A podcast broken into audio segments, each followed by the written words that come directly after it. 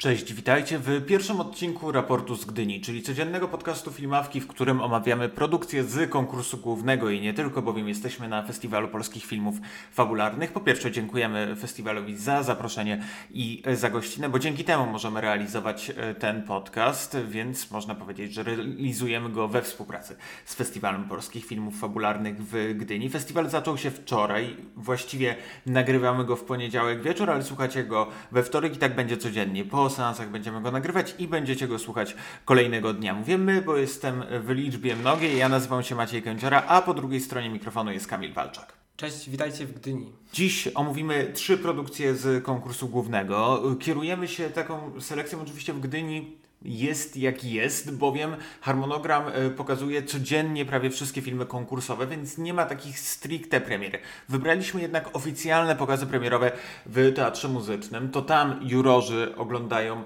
filmy, to tam wydaje mi się jest taki wyznaczony trakt i tempo festiwalu. Dziś więc oficjalne pokazy premierowe miały trzy filmy, e, czyli Orlęta, Grodno 39 w reżyserii Krzysztofa Łukaszewicza, Orzeł Ostatni Patrol, film otwarcia Jacka Boławuta i Johnny Daniela Jaroszka. Te trzy filmy omówimy dzisiaj, zaczynając od Orląt, od Grodna 39, czyli filmu, który już mogliście w kinach oglądać. W kinach jest od zeszłego piątku. Krzysztof Łukaszewicz powraca po Karbali. Krzysztof Łukaszewicz powraca i jest to kolejny film osadzony w realiach wojennych, e, tym razem o wiele dalszych niż to było w Karbali, bo wtedy to była e, wojna w Iraku albo interwencja w Iraku, jak kto woli. A tutaj powracamy do tematu dość znanego w polskiej kinematografii, ale może nie od tej strony, czyli do drugiej, początku II wojny światowej do kampanii wrześniowej, ale tym razem od frontu wschodniego powiedzmy, to znaczy od agresji Związku Radzieckiego na Polskę.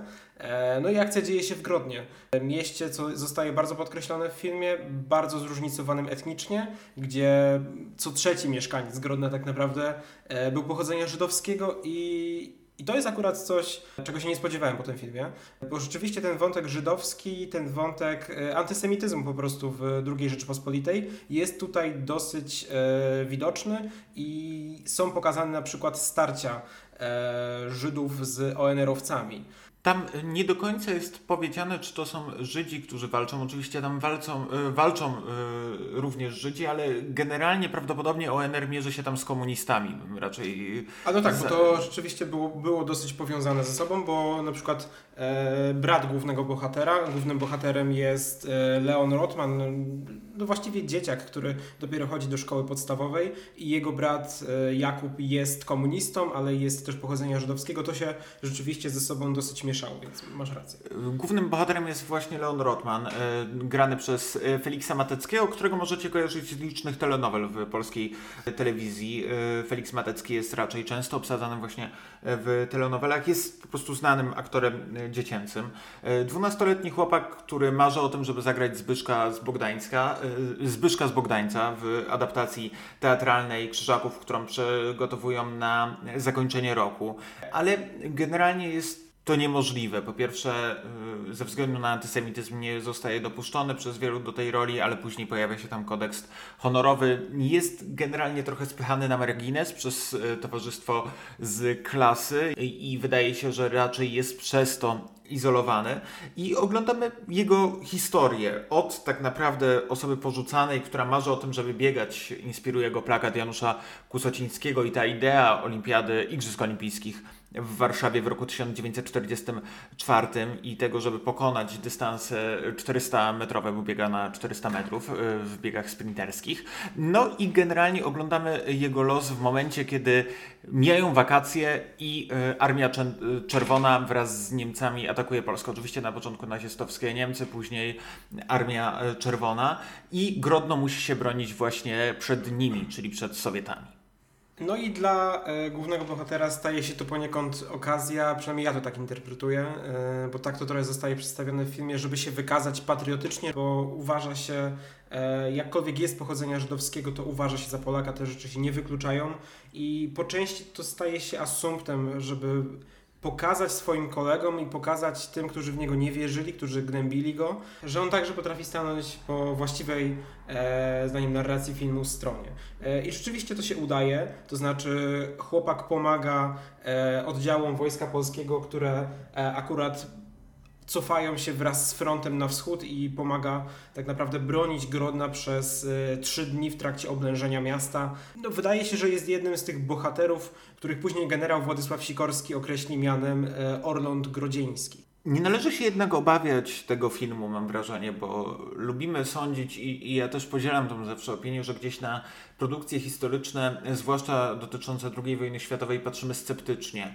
Boimy się martyrologii, bo, boimy się takiego podejścia e, stricte, wręcz radykalnie patriotycznego, e, które, które byłoby aż nieprzychylne i nie, niemiłe do oglądania e, w tym kontekście, żeby odrzucało na przykład swoim patosem. A mam wrażenie, że w Orlętach Grodno 39 tego patosu nie ma. Jest bardzo ciekawe ujęcie sytuacji, jak właśnie z perspektywy żydowskiej, z perspektywy antysemityzmu, E, mamy do czynienia z taką różną definicją tego, co to znaczy być patriotą, kto tym patriotą jest i generalnie właśnie w tych zagadnieniach porusza się Krzysztof Łukaszewicz w takim bardzo nieoczywistym, ale jednak bardzo, mam wrażenie, intrygującym przynajmniej filmie, jeśli chodzi o warstwę narracyjną, bo tu muszę zaznaczyć, uważam, że to jeden z wyjątkowych przykładów kina historycznego, które zazwyczaj w Polsce stało znakomitymi zdjęciami. Myślę tutaj o Legionach Dariusza Gajewskiego, y, czy, czy jakimiś ciekawymi zabiegami formalnymi. Myślę tu o Piłsudskim Michała Rosy,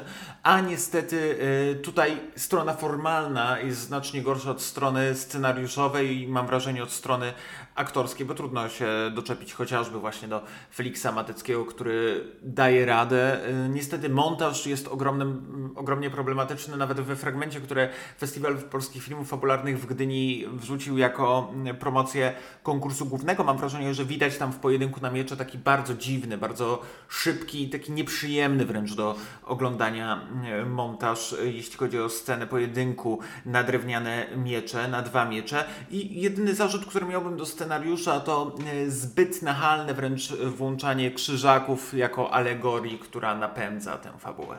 No tak, to zaczynając od tyłu, e, rzeczywiście ci krzyżacy mi też bardzo nie leżeli, dlatego że wydaje mi się, że Sienkiewicz dzisiaj już nie jest e, tak bardzo oczywistym punktem odniesienia jako wzór patriotyzmu i to, co przedstawił w Krzyżakach, też mi się takim nie wydaje. Jakkolwiek dla osób, które chodziły do szkoły w latach 30., może to być, to, to wydaje mi się, akcentowanie tego jest trochę anachroniczne.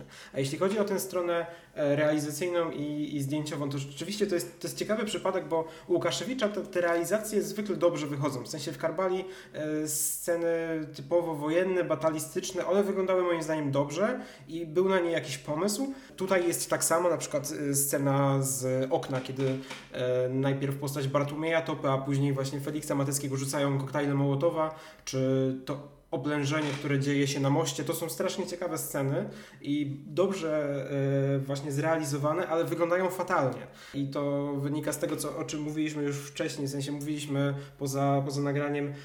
E, strasznie dużo jest takich blików świetlnych w tym filmie, które aż rażą tym, jak bardzo są powtarzalne i wtórne. To jakby nie jest pierwszy taki zabieg e, w kinie historycznym, tym bardziej w kinie patriotycznym który dodaje tego patetyzmu, którego w tym filmie jest po prostu za dużo. Ale muszę przyznać, y, że jeden, jedną zaletę należy podkreślić i oddać Krzysztofowi Łukaszewiczowi. Wydaje mi się, że tak wyważonego kina historycznego, jeśli chodzi o różne poglądy, które się mieszczą w, w tym filmie i mam wrażenie jednak, oczywiście poza oczywistym stawaniem po stronie obrońców Grodna, to jednak nie było w polskiej kinematografii od dawna i myślę, że właśnie w tą stronę powinno zmierzać polskie kino historyczne historyczne, nie oczywiście na marginesach, być może sięgając po dwa bieguny polityczne, nie rozdając kart z jednej strony. To samo mi imponowało w śmierci Zegielbojma Ryszarda Brylskiego, to samo imponuje mi w Orlętach. Tylko jeszcze na końcu dodam, że jeśli chodzi o to wyważenie głosów, to jednak wydaje mi się, że ten film ma takie ostrze antynarodowe, w sensie antynacjonalistyczne, bo jednak ONR-owcy są tam przedstawieni jako ewidentni, nie wiem czy antagoniści, na pewno antagoniści tacy drugoplanowi. Ja bym powiedział, że na pewno bardziej, yy, oczywiście ONR-owcy są negatywnymi bohaterami i na to nigdy nie będę narzekać, w sensie uważam, że tak właśnie powinni być przedstawiani, ale też powiedziałbym, yy, że komuniści, zwłaszcza ci, którzy współpracują z rządem, z, z armią czerwoną, czerwoną, raczej nie są przedstawiani do końca pozytywnie, zwłaszcza w tym, w, tym, w tym zakończeniu, które bardzo mocno wybrzmiewa i sięga po Klimowa i po Idzi Patrz, o którym pomyśleliśmy oboje, gdy oglądaliśmy ten film. Dobra, myślę, że możemy przechodzić do kolejnych filmów, ale na koniec oceny. Ode mnie ocena 4 na 10, ale jak zaznaczam, pozytywne zaskoczenie, bo byłem nastawiony na coś znacznie gorszego. Ja nie będę oryginalny, ode mnie też 4 na 10 i jest to film, który no jest jednak mimo wszystko na plus. Kolejnym filmem, który omówimy jest e, Johnny, czyli e, film Kiedyś zapowiadany jako biografia księdza Kaczkowskiego, ale uważam, że to nie jest e, fair wobec e, tego filmu, bo to nie jest do końca biografia, przynajmniej nie jest to biografia stricte spisania wszystkich zalet, cech i losów księdza Jana Kaczkowskiego. To bardziej opis postaci Kaczkowskiego oczami Patryka Galewskiego, prawdziwej postaci obecnie e, kucharza, który był takim lokalnym, on na konferencji użył słowa eufemistycznego gagatkiem, który trafiał często do aresztu, do więzień za kradzieże, za rozboje. E, I ksiądz Kaczkowski, ze względu na to, że poznał go przy okazji prac społecznych, które wykonywał w stworzonym przez i założonym przez księdza Kaczkowskiego hospicjum e, Ojca Pio, w hospicjum w Pucku, które było bardzo ważne dla księdza Jana Kaczkowskiego i była taką, taką jego misją życiową i myślę, że też misją nauczania, które jest ważne w, przypadku życiorysu księdza.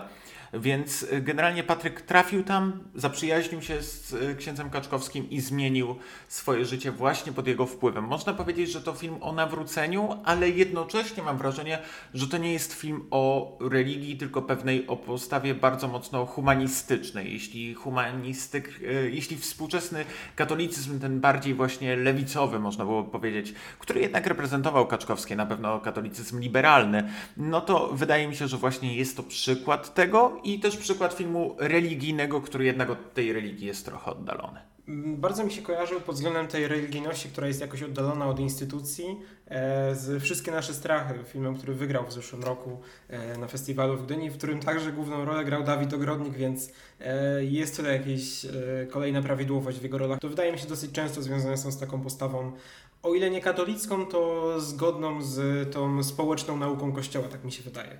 E, I rzeczywiście ten film nie jest stricte religijny, bo na początku, wydaje mi się, bardziej opowiada o Bogu i o tym powołaniu Kaczkowskiego, żeby potem przejść do takich, do takich stwierdzeń o wiele bardziej ogólnych i dotyczących po prostu wszystkich. Oczywiście Kaczkowski cały czas podkreśla, że jest księdzem, że jest Janem, bardzo nie lubił innych e, określeń na swoje imię. Był zapraszany właśnie w charakterze duchownego, ale jednak takiego duchownego, który potrafi przemówić nawet do tych, którzy zupełnie się z Kościołem nie zgadzają. On sam zresztą, e, co zostało pokazane w filmie, także miał sprzeczki, sprzeczki z Kościołem. Moim zdaniem zostało to pokazane w taki dosyć e, karykaturalny sposób, trochę w stylu mm, kleru Wojciecha Smarzowskiego, ale mniejsza z tym. Ogólnie instytucje w tym filmie, poza samą instytucją hospicjum są raczej przedstawione w sposób negatywny, jako utrudniające pracę Kaczkowskiego i no, jest to trochę taka wizja państwa, które bardziej przeszkadza niż pomaga. Państwa, które też nie wierzy w resocjalizację, bo ten wątek resocjalizacyjny jest bardzo, to bardzo ważny dla całości filmu. Mam takie poczucie, że ten film, ja z Kamilem się o tyle nie zgadzam, że mam wrażenie, że to, ten sposób ukazania Kościoła jest nie tyle nawet jednostkowy, co jest pokazany po prostu przez perspektywę dwóch osób, czyli mamy dwóch tak naprawdę księży na ekranie. Mamy złego arcybiskupa i mamy dobrego księdza e, Kaczkowskiego, ale to też nie jest aż tak szeroka karykatura i mam wrażenie, że ten arcybiskup nie ma w pełni utożsamiać instytucji instytucji Kościoła, tylko być może pokazywać taki kontrast do księdza Kaczkowskiego, który ma, który ma w jakiś sposób wyważyć to, co dzieje się i o czym opowiada, też wyważyć swój stosunek wobec e, Kościoła katolickiego. Wspomniałeś o Dawidzie Ogrodniku i o tym, że znów gra e, rolę pierwszoplanową w filmie, który przypominał Ci wszystkie nasze strachy, ale mimo tego, że ten film może i przypomina wszystkie nasze strachy, to należy zaznaczyć, że e, rola Dawida Ogrodnika jest całkowicie inna i to faktycznie jest pełna transformacja Dawida Ogrodnika. Nie, nie ma poszukiwania y, tych spójnych jakichś elementów w roli Ogrodnika z jego poprzednim emploi. Być może się pojawiają, ale raczej jest to faktycznie odkryty na nowo, Ogrodnik, co się wydawało niemożliwe, że Dawid Ogrodnik może zostać odkryty na nowo, a jednak w mojej opinii obok Najmrockiego to najlepsza rola Ogrodnika w jego karierze. Wiem, że ciężko będzie uwierzyć w to, że Dawid Ogrodnik znowu dostarcza, to znaczy wiadomo, że Dawid Ogrodnik jest bardzo dobrym aktorem, ale ciężko się przekonać do tego, że, że on nie przesadza w byciu kameleonem i że kolejne role biograficzne, w których obsadzany jest Dawid Ogrodnik, no to się musi po prostu znudzić, ale na szczęście w tym przypadku się to nie stało. To znaczy Kaczkowski rzeczywiście wygląda tutaj świetnie, jest przezabawny, delivery jaki ma Dawid Ogrodnik też jest e, świetne i też... E, wydaje mi się, że dobrze oddaje tę postawę duchową, jaką miał w sobie Kaczkowski, zwłaszcza w stosunku do no, osób umierających, co zostało świetnie pokazane w bardzo pojedynczych e, scenach, na przykład kiedy trzyma za rękę osobę, która właśnie jest w stanie agonii. Ale ja bym jeszcze poszedł trochę szerzej, bo mówiłeś o tym, że no, no, mamy trochę różnice zdań i rzeczywiście one wynikają moim zdaniem z tego, znaczy mi się nie podoba ten film dlatego, że moim zdaniem reżyseria tutaj leży. Daniel Jaroszek jest debiutantem, e, jak sam mówił na konferencji prasowej, nie jest profesjonalnym reżyserem, to znaczy nie skończył jest, szkoły. jest profesjonalnym reżyserem o tyle, że reżyserował reklamy, ale nie skończył szkoły w e, drodze tak, tak, fabularnej. Tak, nie, chciałem to, chciałem to powiedzieć. Takie, nie jest takim konwencjonalnym reżyserem, powiedzmy, który skończyłby reżyserię e, w szkole filmowej. Moim zdaniem po części to widać, bo on wpada w bardzo wiele klisz, które mi bardzo przeszkadzają, po prostu grają na emocjach i sprawiają, że film jest strasznie, strasznie ckliwy. Poza tymi momentami, kiedy jest Kaczkowski, no to moim zdaniem e, na przykład cały ten wątek e, Patryka Galewskiego, granego przez Piotra Trojana, granego tak mm, so-so, no nie wypada zbyt dobrze i jest troszkę koślawy. E, zwłaszcza wątki poboczne są koślawe, na przykład mamy wątek miłosny, który jest no bardzo pretekstowy. To znaczy on służy chyba opowiedzeniu po prostu historii prawdziwej, ale no nie składa się moim zdaniem w jakąś spójną całość. I scenariusz, z jednej strony dialogi są super, bo często są to cytaty po prostu z Kaczkowskiego i te jego mm, riposty, czy to stosowane publicznie, czy to stosowane w rozmowach prywatnych, a z drugiej strony mamy takie no, no dosyć ciągnące się moim zdaniem e, wątki i no, zwłaszcza realizacyjnie mi to po prostu leży. Ten film moim zdaniem źle wygląda.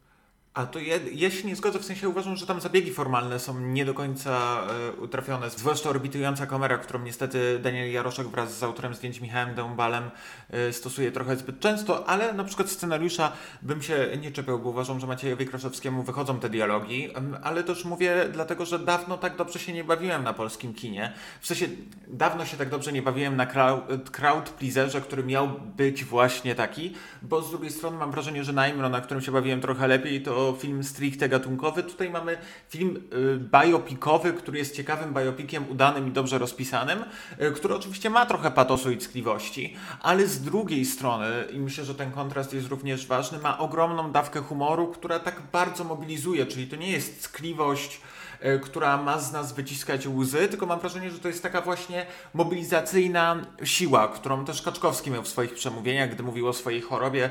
Jak wiadomo, e, ksiądz Kaczkowski został zdiagnozowany z bardzo ciężkim glejakiem, który tak naprawdę nie rokował, dawano mu pół roku życia, e, ale przez jeżdżenie po różnych festiwalach, które też się pojawiają, odtwarzane są chociażby sceny z Akademii Sztuk Przepięknych na Woodstocku.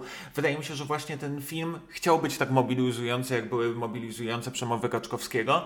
I y, moją pierwszą reakcją, którą wypowiedziałem, gdy, gdy wyszedłem z teatru muzycznego, to było wow, to, to naprawdę się udało. I mam wrażenie, że jeśli nie przyjdziecie tam z oczekiwaniami wielkiego dzieła pokroju filmów artystycznych, tylko właśnie nastawicie się na crowd pleaser, który ma takim być, uważam, że to jest lepszy crowd pleaser niż rok temu była y, Sonata y, Bartosza Blaszkę, to mam wrażenie, że mamy do czynienia z bardzo dobrym kinem komercyjnym, którego w Polsce ogromnie, ale to ogromnie brakowało, a tutaj chyba myślę, że takie kino środka wreszcie wychodzi w Polsce, przynajmniej w sposób udany, bo Kamil mimo tego, że ma zarzuty do tego filmu, sam powiedział, że bawił się na nim przynajmniej momentami bardzo dobrze, jeśli chodzi o scenariusz. Momentami przynajmniej przednio. Dobrze. Wydaje mi się, że możemy przejść do ocen.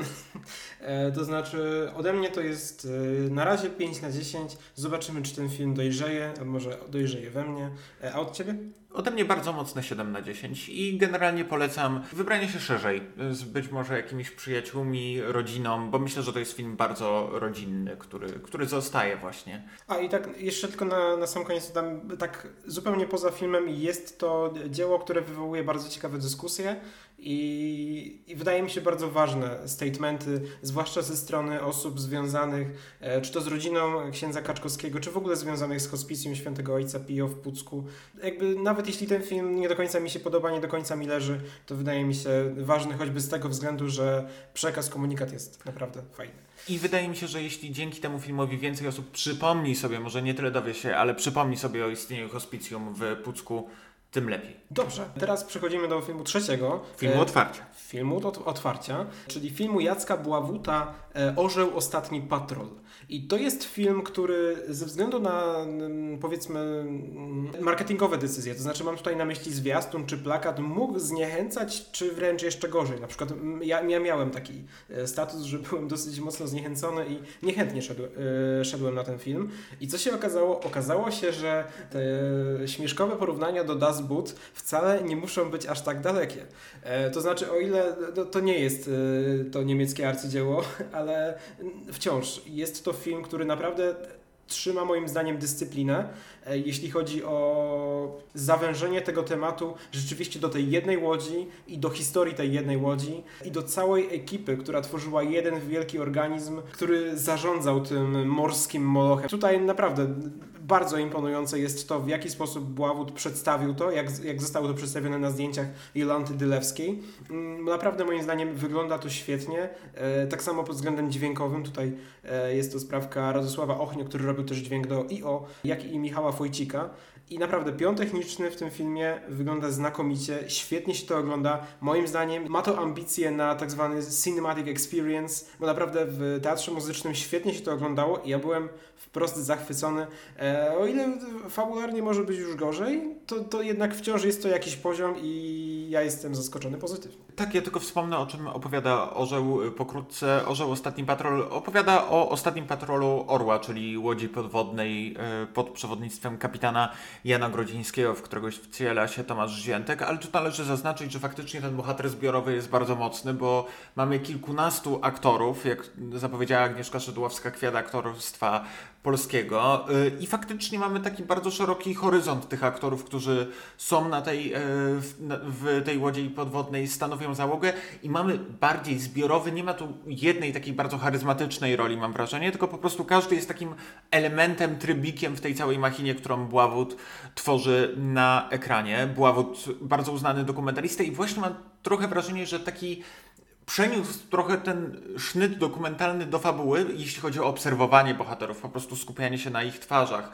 Też ukazanie takiej, powiedzielibyśmy, normalności na statku, czyli tego pierwszego aktu, gdzie poznajemy trochę załogę, poznajemy trochę napięcia między nimi, e, ale też e, oglądamy chociażby sceny, gdy śpiewają. Oczywiście, jeśli znacie historię Orła, to wiecie, dokąd ta historia prowadzi, jeśli nie, nie, chcę, nie chcemy jej zdradzać, ale mam wrażenie, że Bławutowi w połowie udaje się zachować napięcie. Ja niestety w tym trzecim akcie, po znakomitym drugim akcie, który bardzo mnie wciągnął, y, przez który czułem się ogromnie zaangażowany. Mam wrażenie, że w trzecim akcie niestety ta historia trochę wytraca tempo. Świadomie mam wrażenie, też to jest taka decyzja formalna i narracyjna Bławuta, ale mimo wszystko trochę straciłem po prostu to napięcie, które mnie trzymało przez y, pierwsze y, 60% tego filmu, bo te dwa akty są dosyć równo y, podzielone i ten ostatni patrol jest faktycznie ciekawym filmem otwarcia, filmem, który wiąże się również z Gdynią, dlatego że orzeł wypłynął właśnie z Gdyni. Ja też miałem to poczucie, że ten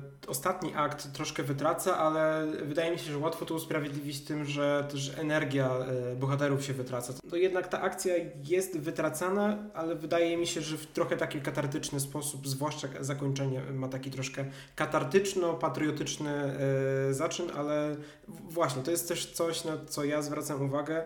Ten film nie przesadza z tym ultrapatriotyzmem i rzeczywiście, o ile można by się tutaj pokusić o jakieś martyrologię, o poświęcenie polskich żołnierzy marynarki, wojen, e, marynarki wojennej, o tyle tutaj jest to dosyć wyważone i jest przedstawione w taki bardzo moim zdaniem rozsądny sposób. Po prostu walczymy o naszą ojczyznę, chcemy walczyć z okupantem, ale nie ma tutaj jakiegoś patetyzmu, który by no, jednak trochę to przesładzał, czy nadawał temu e, bardzo nie, nie, niepożądanej przez niektórych goryczy. Także naprawdę moim zdaniem wygląda to świetnie, także pod względem scenograficznym. Tutaj e, rola Marceliny Kunikowskiej początek i naprawdę to, jak wyglądają zarówno ci z wyższej hierarchii, jak i ci z niższych pokładów, bo akurat jest też pewna prawidłowość pod względem tego, na którym poziomie statku są dani aktorzy i pod względem tego, jak bardzo są oni już w polskiej branży filmowej. E, to znaczy, mam, mam na myśli to, że osoby, które e, możecie kojarzyć z plakatu, znajdują się na samej górze, na, na pokładzie, a osoby, które znajdują się pod pokładem, na samym dole, e, no są to aktorzy, którzy dotychczas byli zwykle kojarzeni z filmami mikrobudżetowymi i wydaje mi się, że to jest dosyć też symptomatyczne, jak to się układa, jeśli chodzi tak wertykalnie na, na statku. Poza Rafałem Zawieruchem, który też tak. trafił na, na, ten, na ten niezarządczy, bym powiedział, nieoficerski Y, punkt y, w marynarce wojennej.